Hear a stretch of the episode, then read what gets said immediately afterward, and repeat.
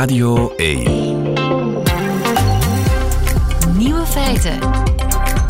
Met Lieven van den Houten. Dag en welkom eh, bij de podcast van Nieuwe Feiten van 5 oktober 2023 in het nieuws vandaag.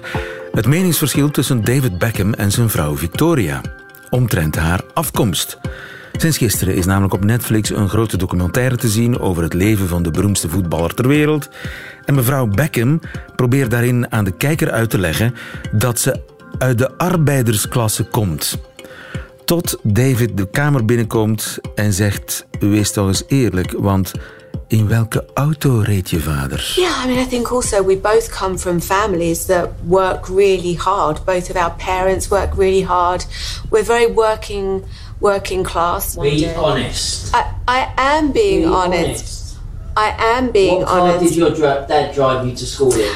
So my dad did. No, one answer. My dad. What well, car was it? all right, it's not a simple answer What because. car what did you get your dad to drive It you to school depends. No, no, no, no, no. Okay, What in the 80s, What- my dad had a Rolls Thank Royce. you. Oké, dankjewel. Deur dicht. No further questions. Een echte onderzoeksjournalist, die David Beckham. De andere nieuwe feiten vandaag. Meer en meer presentatoren spreken tussentaal. Is dat erg? Jodepoorter Niels de Stadsbader en taalprofessor Stef Grondelaars die zijn het niet met elkaar eens.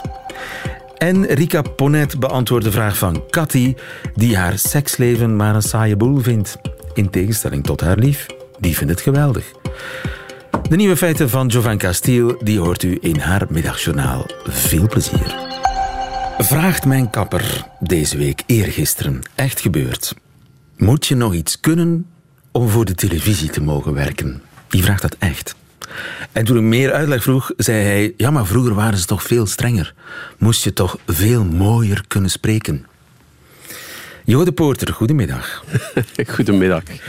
Presentator- Wat een, geweldige, wat een geweldige kapper heb je. Ik heb een geweldige kapper. Ik mag geen reclame maken, ik, ik beheers mij. Maar ik zou dat kunnen. Ja. Eh, jo, jij bent presentator, je bent Ja. Neerlandicus, je Ja. bent ook iets bij de taalunie, hè? dat wist ik helemaal niet. ja, dat is een groot geheim. Jurylid. Ja, er, is een, er, is, er zijn een aantal, eh, wat ze noemen, vooraanstaande eh, taalgebruikers in ehm, Vlaanderen en Nederland. En die worden om de, om de zoveel tijd krijgen die eh, allerlei teksten en allerlei taal voorgelegd uit het noorden en het zuiden. En er wordt aan ons gevraagd, zonder een beroep te doen op boeken, naslagwerken, woordenboeken, vraagt men aan die groep mensen, wat vinden jullie goed Nederlands? Wat is aanvaardbaar Nederlands? En dat is eigenlijk een soort, onder meer een soort graadmeter naar hoe verandert de taal en wat vinden we vandaag acceptabel om te zeggen. Ja, Stef Grondelaars, ook een goedemiddag. Goedemiddag. Je bent professor taalwetenschap aan het Meertens Instituut in Amsterdam. Maar ik zeg erbij, je bent een Vlaming, je bent een Limburger. Absoluut. Ja. De Week van het Nederlands, overigens, deze week, en dat gaat niet onopgemerkt voorbij, eh, in Nieuwe Feiten, een initiatief van de buren en de Taalunie. Nu, mijn kapper, die had het over tien om te zien. En over de taal van Anne de die hij heel gracieus en verzorgd vindt, in tegenstelling tot die van haar jongere collega's. Kijken jullie tien om te zien, overigens? Guilty pleasures. Soms, Ja? ja, absoluut. Op YouTube momenteel uiteraard. Maar Niels de Stadsbader, goedemiddag. Goedemiddag. Eh, Niels, wat leuk dat jij erbij bent. Eh, kijk jij tien om te zien? Eh, Ik mag van mijn werkgever daar eigenlijk niet naar kijken, maar ehm, ik moet eerlijk bekennen, uiteraard, hè, want er zijn een paar hele fijne collega's die daar presenteren en ik mag ook af en toe daar komen zingen. Dus dan kijk je wel eens wat je met je collega daar hebt neergezet en met de band en zo. Dus ik heb het inderdaad wel al gezien, uiteraard. Maar we focussen ons vandaag op de taal, op het Nederlands. Het is de week van het Nederlands.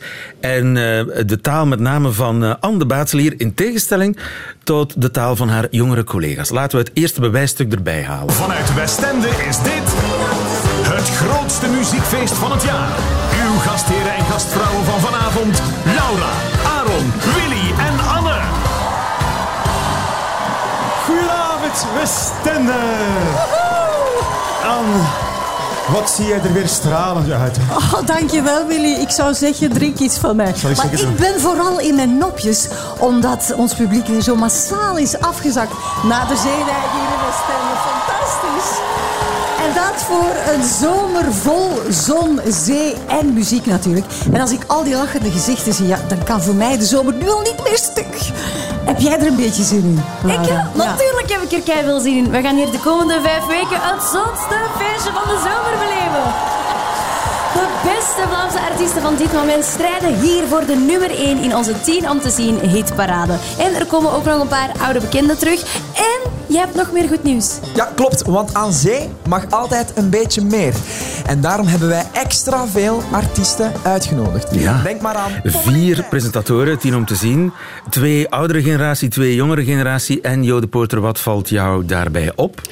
Eh, wat mij opvalt is dat eh, de autoriteit die uitgaat van de introducerende stem, de stem die hen alle vier aankondigt, dat dat buiten kijf staat, dat de keuze daarvan iemand is die superstandaardtalig spreekt. Dus iemand die zegt, hier zijn we, daar gaat het over. En dit zijn ze. Daar wordt de keuze gemaakt om heel standaardtalig te spreken. De tweede inrij die mij dan opvalt is eh, Anne de Baatslier, die ook zeer standaardtalig spreekt. En dan, ja, dan daalt het een beetje af en dan hoor je, dan hoor je Antwerpen bijvoorbeeld. En ik hoor dan eh, een stukje Aalst optreden en, en een paar slo- slordigheden. Dat is wat mij opvalt. Ja, is dit, eh Stef Grondelaars, is dit jong versus oud? Dat is jong versus oud. Het is ook het loslaten van een bepaald soort van ideologie dat je op de VRT accentloos moet klinken. VTM deed, maar goed, maakt niet uit. VTM, nevermind. Het is een omroep, het is een nationale omroep. Ehm, het probleem daarbij is het, het idee dat je eh, in dit soort programma eh, afstand moet scheppen door perfect accentloos te klinken, is op zichzelf al vreemd. Ehm, als je daar langer over nadenkt, dan je bedrading je ingeeft. Kijk, wij zijn in Vlaanderen geneigd moeilijk te hebben met bepaalde soorten taal. Ongeveer met alle taal die niet VRT-taal is. Wel, als je een klein beetje langer nadenkt, dan is het eigenlijk doodnormaal dat je de afstand probeert te verkleinen. Wat Laura doet... De afstand met je publiek. Met je publiek, absoluut. Wat Laura doet, is uiteindelijk niet eens zo tussentalig. Ze kleurt wat Antwerps in, heeft een paar tussentaalvormen. Maar het hele debat van tussen standaard Nederlands en tussentaal is in C gek vanuit taalkundig opzicht gezien. Want wij zijn de enige gemeenschap in Vlaanderen die het informele spectrum van een standaardtaal een eigen foute term geven, tussentaal. Er is geen enkele andere gemeenschap in Europa die dat doet. Daar moet je misschien later op terugkomen. Ja, dus, maar je zegt eigenlijk, ja, waarom zou de presentator anders moeten spreken dan zijn kijker-luisteraar? Kijk, dat hangt er vanaf wat je, wat je doet in een amusementsprogramma. Dan eh, kan dat voor mij kun je een beetje laten hangen. Je moet niet slordig worden, dat is iets anders. Ook daar moet je op terugkomen. Als jij tegen mij gaat spreken zoals Laura spreekt, dan luister ik niet meer naar je. Je hebt bepaalde context, je hebt bepaalde register. Hier in deze studio... Omdat we Radio microfoon. 1 zijn. Doe je je best gewoon. Doe je je best, absoluut. Op het strand, ik neem aan dat het op het strand is, daar kan wat meer uiteraard. Ja. Eh, Niels, eh, maar zeg eens iets, want ik wil jouw accent beoordelen. Ah, ik was heel aan het luisteren. Ehm, maar eh, ja, ik vind het heel interessant wat de professor eh, vertelt en ook wat Jo erover te zeggen heeft, want ik heb daar uiteraard zelf ook wel een mening over. Ehm, en ik ben zo net niet oud genoeg en net niet meer jong genoeg, dus misschien kan dat interessant zijn. Maar ik vind het zo moeilijk om jouw accent te plaatsen. Ik eh, hoop dat dat dan een compliment is. Eh, maar iedereen die mij een beetje kent, weet dat ik een hele trotse West-Vlaming ben. Ja, Dus maar dat, je hebt helemaal geen West-Vlaams accent. Ja, maar ik kan ook eens ook met dat wel liefde, dat is geen probleem. Hè. Maar ik heb eh, wel 15 jaar dictie gevolgd, omdat ik het Je zelf ook 15 wel- jaar dictie gevolgd. Sorry, man. Maar, je hebt, maar eh, dus jouw West-Vlaams klinkt niet door in je normale taal die je gebruikt op, op radio en televisie. Maar het is wel... Eh, dat, dat probeer ik zoveel mogelijk niet te doen, maar ik denk dat... ehm, ja, ik zal het anders zeggen. Eh, naar mijn gevoel, ik probeer een soort van ehm, een keuze te maken. Hè. Als, ik, als ik echt iets aankondig, bijvoorbeeld, dan zal ik dat proberen te doen, zo, eh, zo proper mogelijk. Eh, maar als ik bijvoorbeeld een interview doe met iemand, en dan vind ik het ook belangrijk dat wat je staat te vertellen ook authentiek is. Hè. Het is ook als je de keuze maakt om tussen het publiek te staan, dan is het ook ergens wel logisch dat je dan, als je met een vrouw bijvoorbeeld aan het praten bent, dat je ook bijvoorbeeld de ge-vorm eerder gaat verkiezen dan de jij-vorm omdat ik ook geloof dat die persoon zich op die manier misschien ook net iets, iets meer op zijn of haar gemak zal voelen omdat hij dan ook het gevoel heeft van oké, dit is een gesprek dat ik in mijn living ook zou voeren. Ja. Maar als ik echt aan het presenteren ben, dan probeer ik wel mijn best te doen. Dus ik denk Ehm, ja, er valt voor allebei iets te zeggen. Ik denk dat Jo gelijk heeft en ik denk dat, dat de professor dat ook heeft. Ehm, ja, Ja, als ik even mag tussenkomen. Ja, ik denk dat de professor geen gelijk heeft. Ehm, want eh, er, wordt aange- er is daarnet gezegd, er wordt aangenomen van dat als je tussentaal spreekt, of als je eh, het- accent van Laura nu even onder de loep nemen, dat je dan dichterbij, dat je de, geen afstand creëert. Maar ik, ben- ik ben absoluut eens dat, dat ehm, Laura Tesoro op dat moment alle mensen uit de Antwerpse regio nader tot zich toetrekt door een soort Antwerpse tussentaal te gebruiken. Maar op hetzelfde moment duwt ze mensen uit West-Vlaanderen, Limburg en noem andere windstreken in Vlaanderen van zich af, omdat ze iets spreekt dat zij wel herkennen dat uit het centrum van het land komt, maar dat niet van hen is. En dat is het probleem. Er er werd gezegd, dit speelt allemaal op de dijk aan zee, maar dat doet er niet toe dat het op de dijk speelt, want het is te zien in iedere huiskamer in Vlaanderen. En het is niet omdat iets op de dijk gemaakt wordt, dat het dan informeel moet zijn en dat mensen in Lommel of aan de andere kant van het land zich dichterbij gaan voelen als iemand met een Aalsters accent of met een Antwerps accent gaat spreken. Dus ik ben ervan overtuigd dat hoe algemener je je richt naar een heleboel mensen toe, hoe dichter je bij die mensen kan komen. En dat het niet is door een bepaald accent uit een bepaalde streek te kiezen, Maar dat je daardoor ik dichter komt. inzetten? Mag ik daar even op Theo? Ik denk dat we hetzelfde zeggen als in... Ik denk dat het vooral belangrijk is dat als mijn mama in West-Vlaanderen op haar televisie zit te kijken naar een bepaald programma, dat verstaanbaarheid natuurlijk super belangrijk is. Want als zij niet weet waar het over gaat en ze heeft de aankondiging gemist of, of een bepaald onderwerp dat ze niet helemaal kan volgen omdat iemand ervoor kiest om te veel in zijn eigen accent te gaan praten op de nationale televisie, dan volg ik dat helemaal. Want dan kan ik mezelf ook af en toe aan storen. Dat gaat dan niet over Laura of Aaron, want, want zij zijn nu maar voorbeelden. Er zijn heel veel collega's die ervoor kiezen om op die manier eh, een, een aankondiging of zo te doen. Ehm, maar ik geloof er wel in, Jo, dat, dat de waarheid ergens in het midden kan of misschien wel moet liggen. Of vind je dat zelf niet? Vind je dat je... Nee, nee, nee. Ik vind dat de waarheid in het midden ligt. En wat jij zegt natuurlijk, als je met mensen direct spreekt en die mensen zitten in een andere context, komen ergens anders vandaan, en je voert een dialoog met iemand, dan ga je vanzelf dichter bij die mensen komen. En je gaat vanzelf iets minder standaardtalig spreken. Maar zodra je op een podium staat voor een televisieprogramma dat uitgezonden wordt in heel Vlaanderen, dan kan je niet kiezen van ik richt mij nu op mensen uit Heist of ik richt mij nu op mensen uit eh, een, een plaats in Limburg. Het kan niet, omdat je voor al die mensen spreekt. En het, Iedereen kent, en dat zal de professor bevestigen, eh, iets wat heet si- situationeel taalgebruik. Dat betekent dat we in bepaalde situaties, bij de dokter, eh, in ons liefdesleven, bij de bakker, anders spreken dan in andere situaties. En er zijn meer formele situaties en er zijn meer informele situaties. Maar in een publieke functie, en dan vind ik het zo raar, dat het nieuws altijd genoemd wordt van daar moet iedereen standaardtalig spreken, omdat het belangrijk is of omdat het wezenlijk is. En op andere plaatsen, als je je richt naar veel mensen, moet dat niet het geval zijn. Dat moet mij eens uitgelegd worden waarom het daar wel moet gebeuren. Ik wil je Maar graag mag uitleggen als dat mag. Ja, hoor. Ik wil je niet onderbreken. Ehm, als, Kom als aan, je, professor. als, je nieuws, als je nieuws presenteert, dan behoor je eigenlijk tot geen enkele groep. Je bent een Vlaming als zodanig. Je bent geen Gentenaar, geen Limburger, je bent geen Oost-Vlaming. Dat vind ik dus doodnormaal dat je boven het nieuws staat en je zo neutraal mogelijk probeert te presenteren. Dus dat is functioneel. Het hele probleem is, waarom zou je alleen die Vlaamse identiteit mogen hebben als jij een publieke functie, als je fit, als je, als je tien om te zien presenteert. Je hebt meer dan één identiteit. Je bent Vlaming, maar je bent ook Limburger. Dat mag een beetje doorklinken. Er zijn een hoop identiteiten waar je niks aan kunt doen. Het feit dat je altijd niet een hetero of een homoman bent, dat kun je niks aan doen. dat laat je ook doorklinken. We moeten toch het onderscheid maken tussen een, een lokale klankkleur die er... Ik hoor nu ook dat jij Limburger bent, maar je spreekt Nederlands. Een Nederlands dat perfect eh, klopt. Woorden, de woorden kloppen, de zinsbouw klopt en iedereen begrijpt jou. Maar het punt is dat je heel snel in een soort tussentaal terechtkomt. En die tussentaal is wel heel regionaal gekleurd. Die tussentaal is regionaal gekleurd, maar als die tussentaal een keuze is, als die tussentaal een keuze is om inderdaad afstand te overbruggen, dan doe je niks anders wat in andere landen om ons heen normaal gevonden wordt. Het probleem in Vlaanderen is vooral dat taal een bepaald soort gevoeligheid oproept. Ja, maar zijn, zijn die verschillen ook niet veel? Nee, maar ik zal er een andere eh, eh, bewijsstuk bijhalen.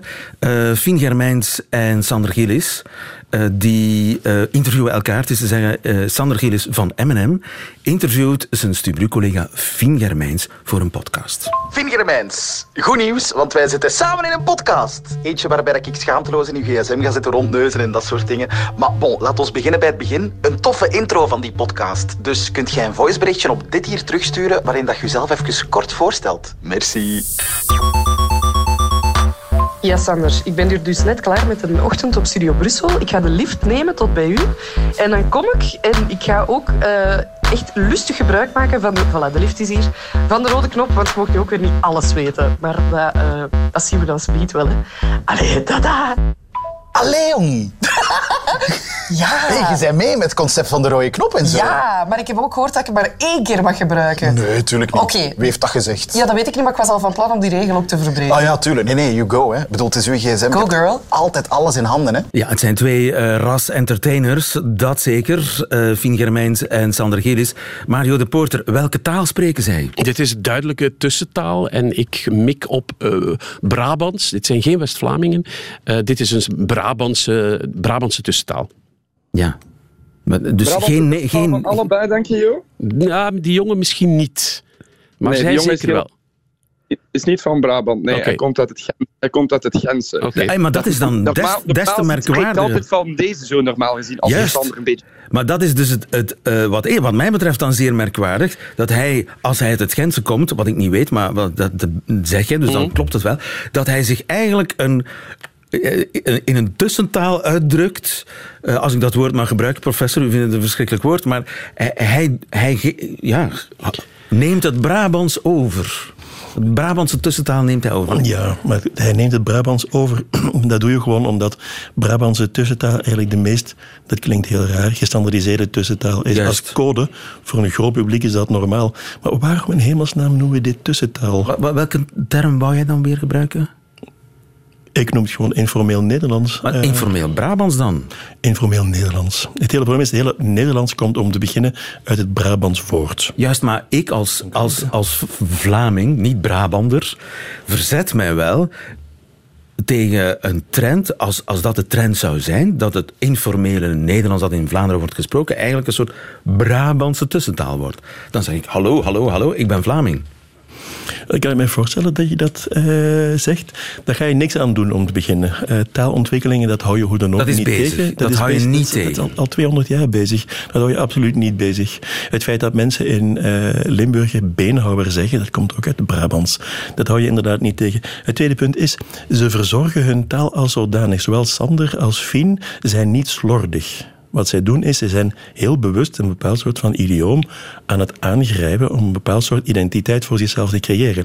En dat is het codewoord momenteel. Waarom zou je neutraal moeten zijn in dat soort podcasts? Je moet niet, ik, ik, het is geen pleidooi om neutraal te zijn. Ik vind het heel raar dat er komen allerlei resultaten van onderzoeken op ons af dat op lagere en middelbare scholen kinderen slechter lezen, slechter kunnen schrijven. Dat heeft onlosmakelijk te maken met slechter spreken, met minder wel, absoluut. Eh, met slechter spreken. En die dingen zijn met elkaar verbonden. U zal toch niet ontkennen dat lezen, schrijven en spreken met elkaar verbonden zijn. En dat het voordeel van je goed te kunnen uitdrukken, van een grote woordenschat te hebben, van een sterke grammatica te hebben, dat dat een enorm voordeel is in het, in het dagelijks leven, in het, in het professionele leven, Ja. in alles wat we doen. En dus Jo, jij zegt, daar kunnen we wel iets aan doen. Wel, ik vind dat, dat mensen uit de academische wereld, mensen zoals ik, mensen die ehm, publiek verschijnen, kunnen in ieder geval hun best doen om ehm, te laten zien hoe het kan en wat een, wat een voorbeeld is. Het, het prachtigste eh, eh, ding, dat, voorbeeld daarvan is het jammerlijke heengaan van Martin Tange een aantal eh, weken geleden, waar bijna een monument voor opgetrokken is. En terecht. En het grootste deel van de reputatie en de kwaliteit van Martin was uitspraak, Ja. was gesproken Ik, ik, Nederlands. zal, ik zal niet vertellen welk gebaar professor Grondelaars hier zit te Ik wil maken. het wel vertellen. eh, Zeg het maar. Ehm, ik, eh, Ik vind dit heengaan van Martien om allerlei redenen heel spijtig. Het feit dat ze geïconiseerd wordt als een soort van voetstuk van het Nederlands. Er praat niemand zo in dit land. Het gaat ook niet gebeuren. Waarom moet je een taal willen spreken die comple- compleet accentloos is? Zodra je een ideaal van een taal in de praktijk implementeert, krijg je variatie, krijg je accenten. Dat hou je niet tegen. Het probleem met je andere punt is, eh, wat je daarnet maakte, uiteraard hebben spreken en schrijven met elkaar te maken, maar door jongeren een wortel voor te houden die zo hoog hangt dat ze die niet halen, wat bereik je daar op den duur mee? Wat andere punt betreft, het feit dat jongeren eh, slechter in taal zijn, heeft vooral te maken met het feit dat ze minder lezen. Dus ja, daar is heel veel onderzoek naar, maar de oorzaken bij de teleurgang van standaardtaal, dat klopt gewoon niet. Er is evenveel onderzoek dat suggereert dat dat niet klopt. En ik snap de bekommernis van meneer De Porter als je zelf die taal geleerd hebt en prachtig spreekt zoals hij, dan wil je ook graag dat het een model blijft voor andere mensen. Maar het is in Vlaanderen niet meer de reëel. de lat ligt te hoog, maar zijn we die lat nu niet een klein beetje te laag aan het leggen? Als, als ik de, de ja, ik noem het toch tussentaal, sorry. Uh, het, gaat me niet, het gaat me niet om de, om de standaard die ik of iemand anders of Martin Tange spreekt. Het gaat erom dat er mensen die uit uh, allerlei landen komen waar ze met leven bedreigd worden en bij ons in, in, in Limburg na, naar school gaan om Nederlands te leren, als die terug verhuizen naar uh, West-Vlaanderen, dan kunnen die niet functioneren omdat men niet verstaat wat ze aan het zeggen zijn. Omdat ze niet het standaard Nederlands... Dan zet je niet alleen die mensen, maar een heleboel mensen achter die niet de voldoende beheersing hebben van Ja. de taal. Wat je, nu, wat je nu doet, is eigenlijk gewoon het tweede van de vier argumenten noemen. Ik kan je derde en je vierde argument ook voorspellen, maar het klopt gewoon niet. Althans, het klopt wel, maar alleen in Vlaanderen wordt er een probleem van gemaakt. Als jij naar Kreta verhuist in Griekenland en je leert demotiki, je leert modern Grieks, dan moet je je keihard aanpassen om een Cretensers te begrijpen. Als jij naar Frankrijk verhuist en je hebt Parijs-Frans geleerd, dan moet je je keihard aanpassen als je in Marseille wil gaan werken. Dus het probleem dat we in Vlaanderen hebben, is niet dat we de realiteit slecht beschrijven, is dat we de realiteit compleet ideologiseren. Dat wij een waardesysteem hebben, dat wij een idee over het Nederlands hebben, dat de alarmbellen gaan af zodra je het woord tussentaal hanteert. En ik ben het compleet met je eens, maar laten we alsjeblieft dat hele waardesysteem, die complete ideologisering, laten we dat alsjeblieft nuanceren, zodat kinderen op een realistische manier een variëteit van het Nederlands kunnen leren die navolgbaar is. Ja, natuurlijk. Wij, de openbare omroep, eh, wij hebben al, trouwens, het staat ook in de, in de beheersovereenkomst dat tussentaal niet mag. Alleen bij uitzondering, dat staat daarin. Eh, als, als, als die taalevolutie doorzet, hoe lang duurt het nog voor Vlamingen en Nederlanders elkaar niet meer verstaan? Dat heeft je mij drie jaar geleden al gelapt. En ik heb toen een getal genoemd.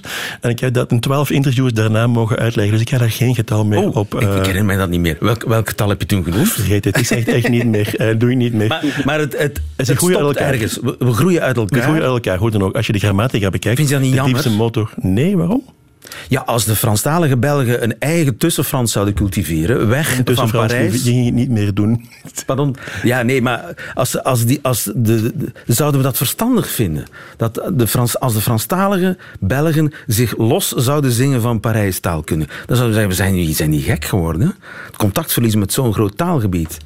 Waarom is het überhaupt, waarom komt de vraag überhaupt in je op? Ja, omdat ik van het Nederlands hou.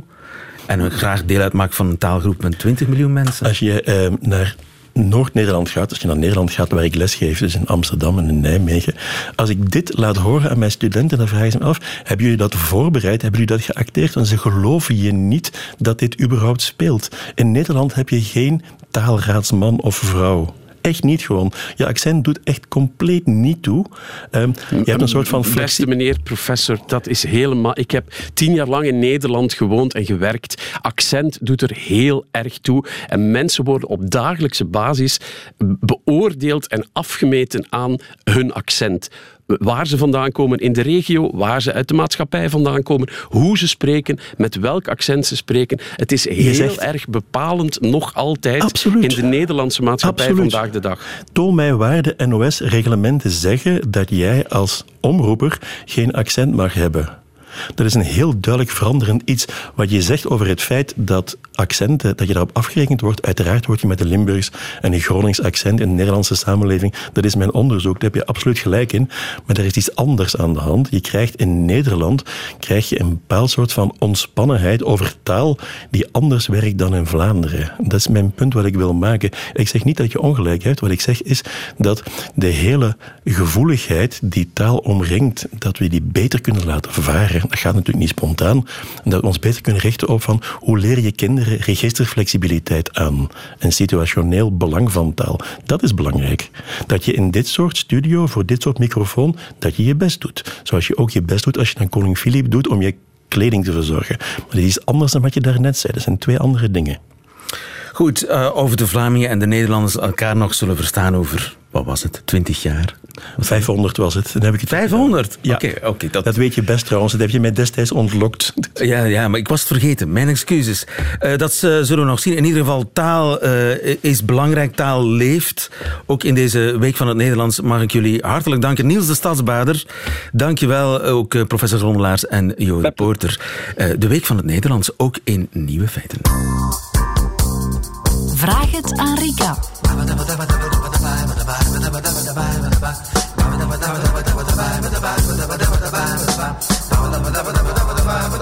En zoals altijd op donderdag verschijnt hier Rika Ponet. Goedemiddag, Rika Ponet.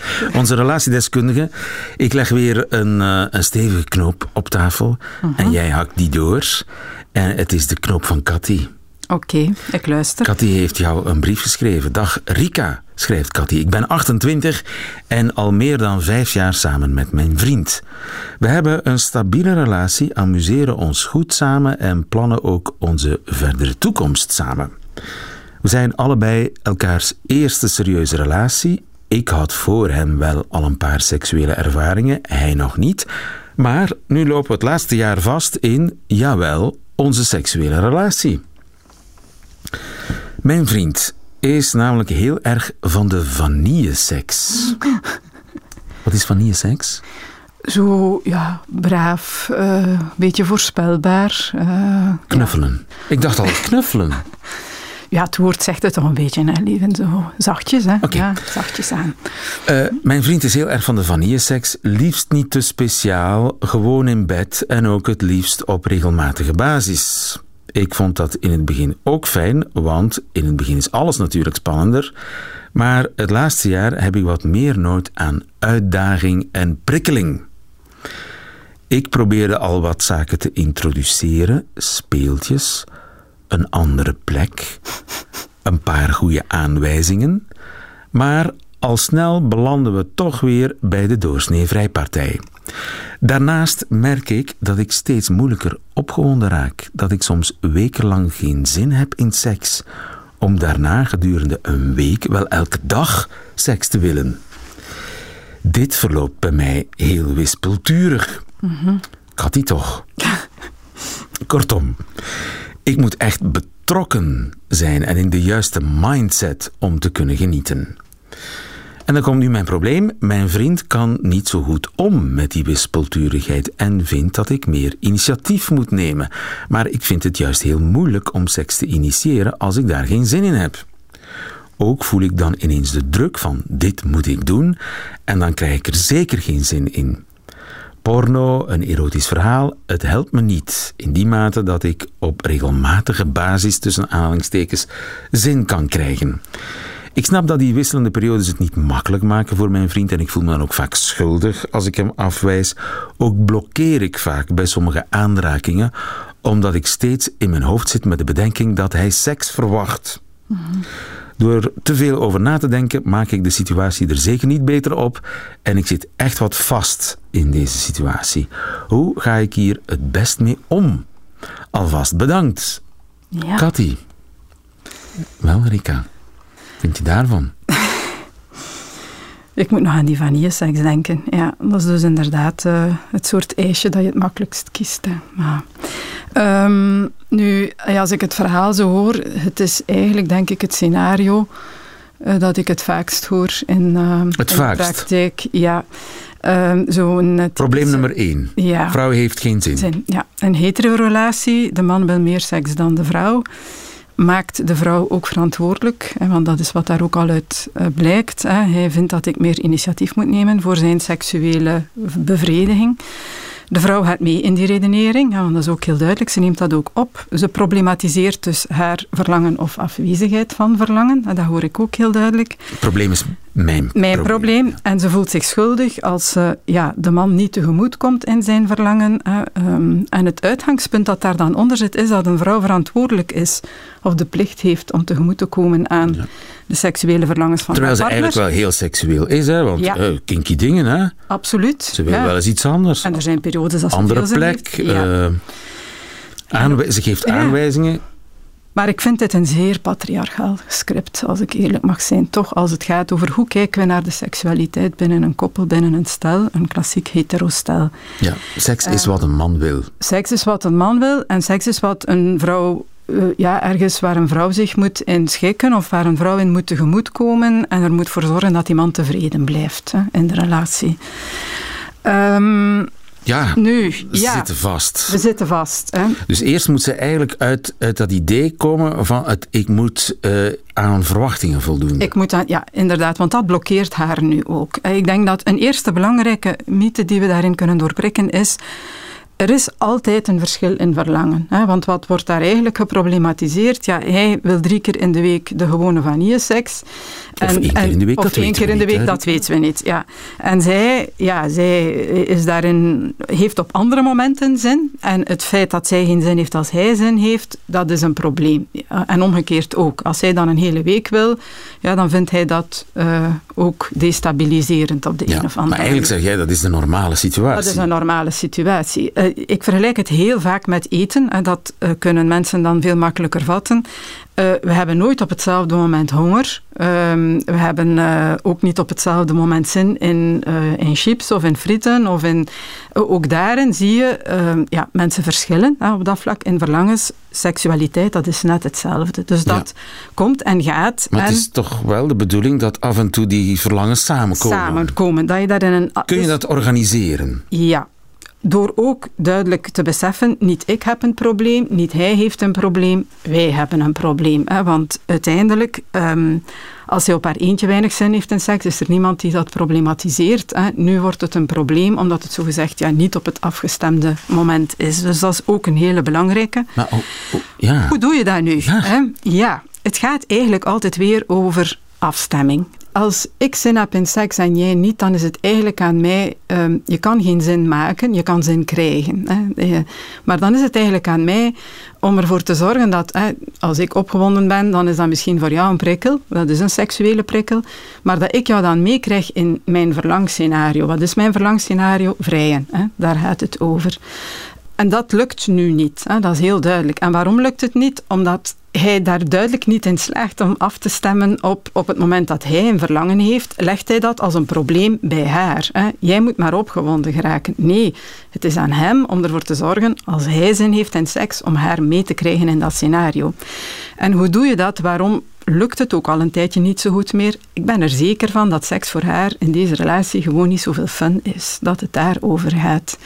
Wanneer ben je gemotiveerd om te vrijen? Dat is dat als, als je seksuele relatie bevredigend is. Hè? Als het tof is, als je er eh, voldoening uithaalt, hè? als je er bevrediging uithaalt, als je het een fijn spel vindt.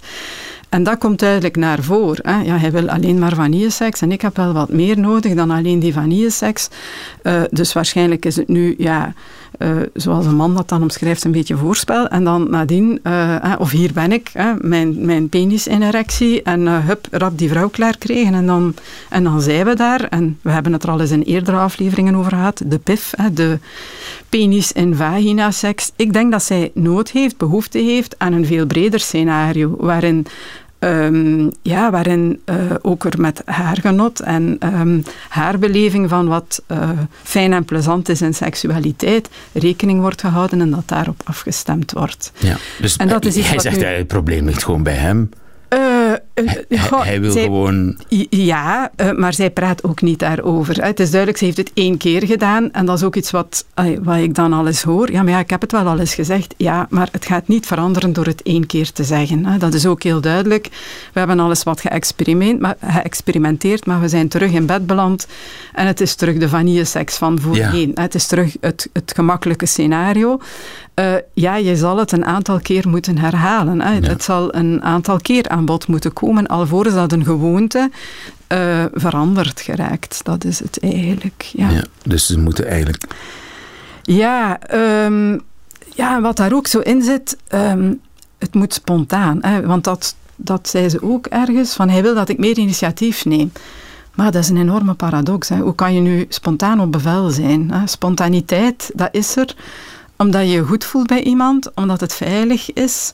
En in zo'n setting waarin je het gevoel hebt, mijn behoeftes komen aan bod en de zijne kunnen ook vrij aan bod komen zonder dat we eh, ons direct afgewezen voelen of, ehm, of niet gezien.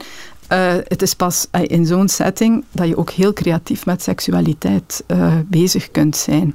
En dat ontbreekt hier een beetje. Creativiteit. Eh, ja, veiligheid ook. Hè. Ik denk wat nu erg belangrijk is, want ze zitten eigenlijk al in een fase waarin dat een aanraking al blokkeert, omdat er van uitgegaan wordt, en nu moet er ook direct seks volgen.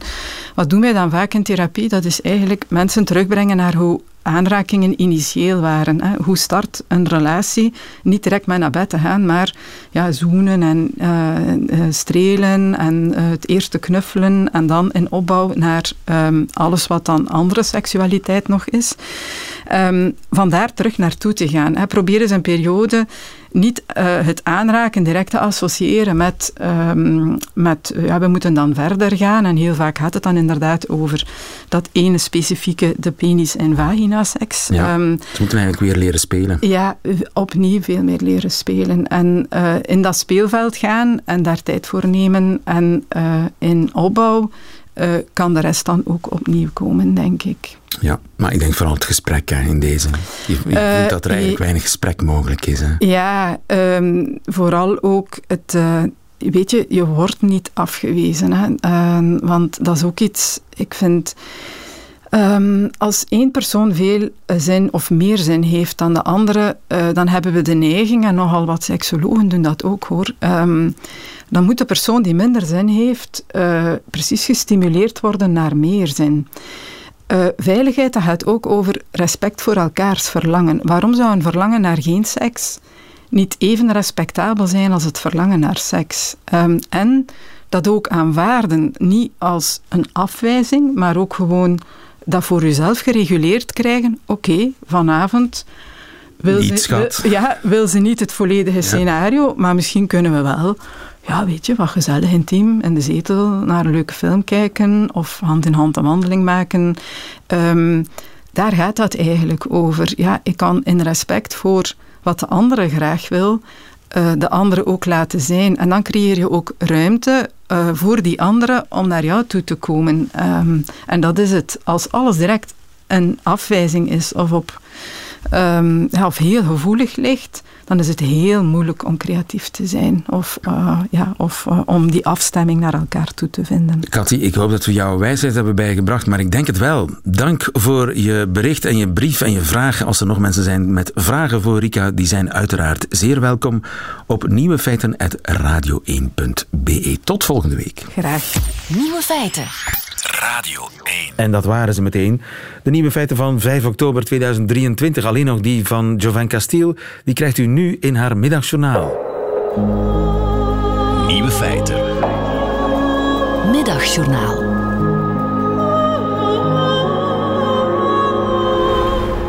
Goedemiddag. Sinds kort spelen wij elke week met de loterij. Mensen zeggen, ah ja, maar de kans is zo klein dat je ooit wint. Maar ik ben Amerikaans.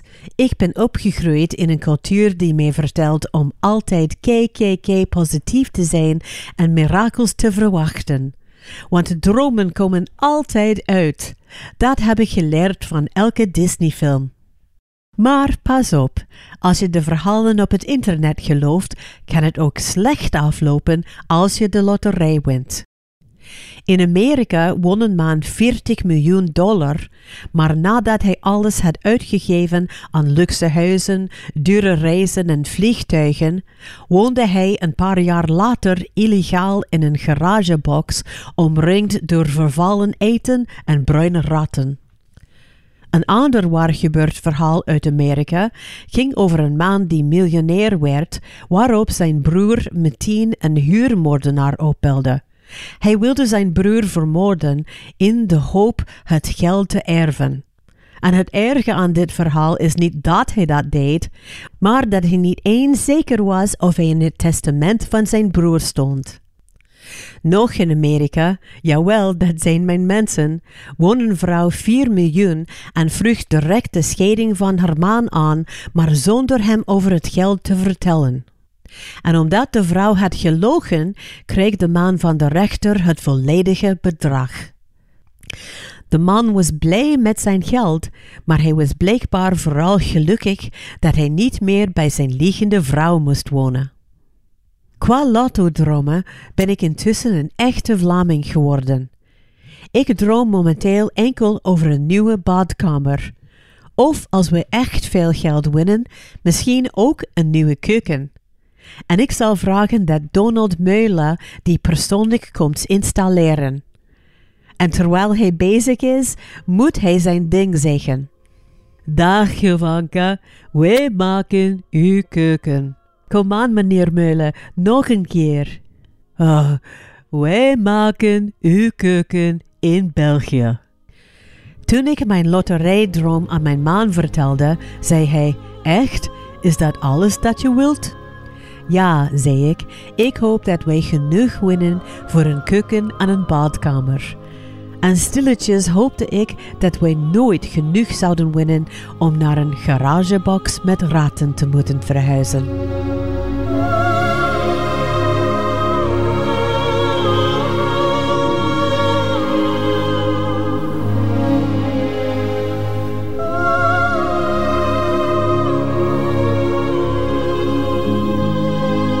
Het middagjournaal met en van Joe Castile, waarvoor dank. Einde van deze podcast.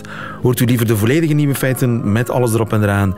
Dat kan natuurlijk elke werkdag live tussen 12 en 1 op Radio 1 of on demand via de Radio 1 app of website. Tot een volgende keer.